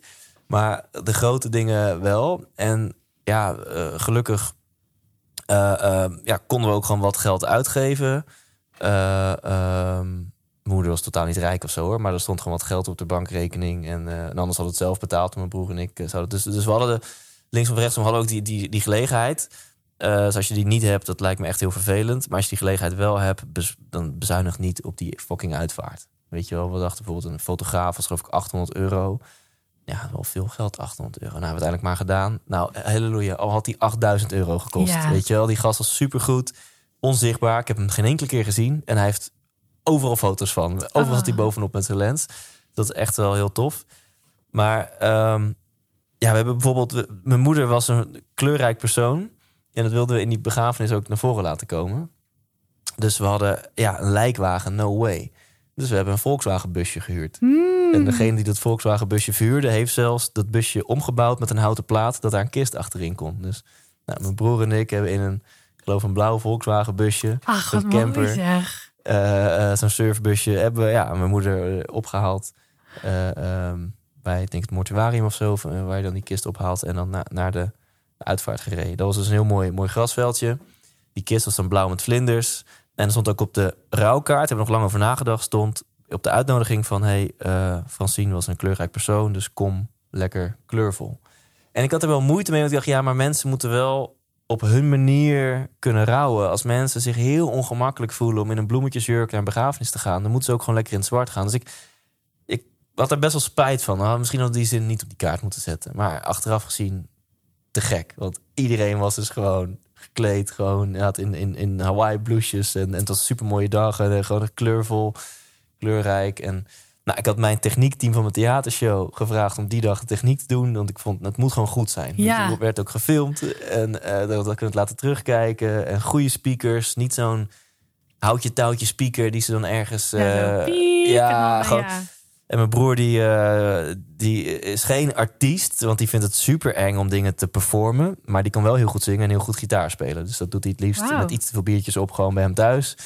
En nu had hij bedacht, ja, ja, ga ik het dan maar doen voor mama. Dus die heeft uh, Time of Your Life van Green Day. Van eh, It's Something Unpredictable, but in the end tried. I hope you had the time of your life. Heeft hij daar gespeeld. Als Zo. opening van die dienst. En eh, ik heb dan afgesloten met een, met een speech. Ehm, maar je moest ineens aan denken door wat jij vertelde. En dat is dan zo mooi dat je... ehm, En we hadden, we hadden Red Velvet Cupcakes trouwens. We dachten, nou, we moeten niet gewoon standaard koffie en cake... maar gewoon eh, lekker Ja. goede, goede, goede cakejes. Eh, maar ja, dat je gewoon het gevoel hebt van... wauw, als ze hier... eh, ze ze zou het niet kunnen geloven als ze hierop eh kon kijken... als ze dit mee kon maken. Dat in dit- vier dagen tijd ook gewoon allemaal zo. En al Ja. die emoties, dat jullie het zo hebben geregeld. ja, Respect hoor. Ja. Echt goed. Heel, echt heel prachtig. En ook wat je zegt van met muziek en met eh, kleuren en met. eh, dan gaat het eigenlijk ook meer over vieren. En dat is denk ik ook doordat we niet zo snel over rouw praten. Hè, dat ze het eigenlijk allemaal maar een beetje wegstoppen. En vooral, hè, ach, ze bedoelen het goed. Dat is vaak de hoek waar we het dan instoppen. Maar als we er wel over praten. En als we dus wel dat het juist ook zien, niet alleen maar als verdriet en tranen, maar ook als vieren. En iets wat bij het leven hoort. En juist als eerbetoon, dan kom je ook, ju- kom je ook echt met dit soort ideeën. ja. En hoe prachtig is dat? Ja. Ja, absoluut. Ja. ja. ja. Ja, volgens mij ehm, gaan we ook wel een beetje richting de afronding toe, of niet? Ik, eh, het was ehm, een mooi gesprek. Ja, vond ik ook. Ja, Ja, je hebt me geraakt. En volgens mij heb ik jou geraakt. enorm. Ja, En hebben we onszelf geraakt. ja. dus hopelijk de, jou als luisteraar ook. Ja. Ehm, en nou ja, als mensen nu denken... ja, eh, ik wil het wel eens meemaken in die theaters... dan nodig ik mensen uit om naar thijslindhout.nl te gaan. Ja. Daar zit ongetwijfeld een button met de nieuwe tourlijst... en de shows die, nou ja, zo goed als zeker doorgaan eh, in, eh, in september. ja, ik, kom zeker. Leuk. Lijkt me echt heel Ik mag ook weer in het Beatrix Theater staan, dus we gaan Mm. hem daar afsluiten. De, tour. Als, als een kleine troost, want van de 20 shows die verplaatst waren, zijn er nog maar zes over. Omdat na vier keer die hele tour verplaatsen, ja, haken locaties af, omdat het niet past in de agenda of wat dan ook. Dus Hmm. dan heeft mijn boek weer als troost, hadden ze dan nog een, toch nog even een zevende show in Beatrix Theater achteraan Ja. geboekt. Dus daar gaan we ook weer staan. Ehm, en jij hebt een online programma. Ja. ja, ik geef sowieso eh, elke zaterdagochtend een webinar over rouw. Dus er zijn mensen altijd oh, wat tof, welkom. wat tof. Dat is ook helemaal eh, gratis. Eh, en ik bied ook inderdaad verschillende rouwcursussen aan. Dus we hebben het nu met name gehad over rouw bij verlies van een dierbare door overlijden. Maar we hebben natuurlijk ook verlies door ja, dementie. Mhm. Je hebt eh, verlies bij kinderen, hoe ga je daarmee om? Ehm, je gaat eh, ja, rouw, het verlies van, eh, van huisdieren. Nou, er zijn allerlei facetten. Scheiding, eh, het verlies van een baan. Dus daar hebben we allemaal prachtige cursussen over gemaakt. Dus ja, op grief.academy kun je alles vinden. Ja. En daar kun je ook aanmelden voor het webinar. Dus als je zegt, nou, ik wil eigenlijk nog wat meer tips. Nou, dan ben je altijd welkom. Ik geef altijd heel veel praktische tips. En ik wil ook heel graag alle vragen beantwoorden van de kijkers. Ja, Dus eh, daar zijn mensen altijd welkom. tof. Ja, Ja. en dan voor mijn luisteraars zet ik op thijslindhout.nl slash anemiek. Want volgens mij bestaat slash rouw bestaat al. Die had uh, Manu Kersen. Ja, maar zorg ervoor dat op thijslindhout.nl slash anemiek... eh, daar zorg ik ervoor dat mensen ook alles vinden over je, je gratis webinars en je Ja, online dan cursussen. kunnen ze daar gelijk aanmelden. Ja, Ja, dus thijslindhout.nl slash anemiek. Ja, dat ja. wordt hem. en dan kunnen mensen daar lekker alles vinden. Ja, Ehm, ja, ik loop dan naar het soundboard eh, toe zometeen... om nog even de outro jingle aan te zetten. Ja. En na die jingle eh, zal ik hem dan voor mijn volgers dan ook wel helemaal afsluiten. Maar eh, om de tijd op te vullen dat ik naar het soundboard toe loop... heb jij nog de eer om, om een laatste wijsheid te delen... Oh, oké. met de, de kijker of luisteraar. Ja. Als het gaat om dit thema wat mij betreft. Mhm. Heb je iets in gedachten? Ja, ik heb, goh, ja, ik ben aan het kiezen. Wat, ja, wat ik heel belangrijk vind is dat ehm, het gaat niet alleen maar over zelf emoties voelen en doorleven, maar het gaat ook al heel erg over delen. En wat ik heel graag alle luisteraars, jouw luisteraars en die van mij mee zou willen geven, is dat kwetsbaarheid ook echt een enorme kracht is. Dus als het even niet gaat, weet je, trek aan de bel. Zeg gewoon van, ehm, eh, als mensen hulp aanbieden van, nou, zou je gewoon eens een pannetje soep voor me willen maken? Weet je, dat zou me zo ontzorgen dat ik gewoon even lekker vers kan eten. En eh, ik ben echt de grootste ambassadeur van een pannetje soep. Mensen die me kennen weten dat. Maar ik, ik, ik pleit echt voor een samenleving waarin we weer naar elkaar omkijken. En eh, ik, ik word heel gelukkig als ik de pannetjes soep over en weer zie gaan. Tof. Dan, ja, ik, eh, ik zou al naar het soundboard gelopen moeten zijn, maar ging zo aan je lippen. dus waanzinnige laatste woorden. En hier komt Ja. de outro jingle.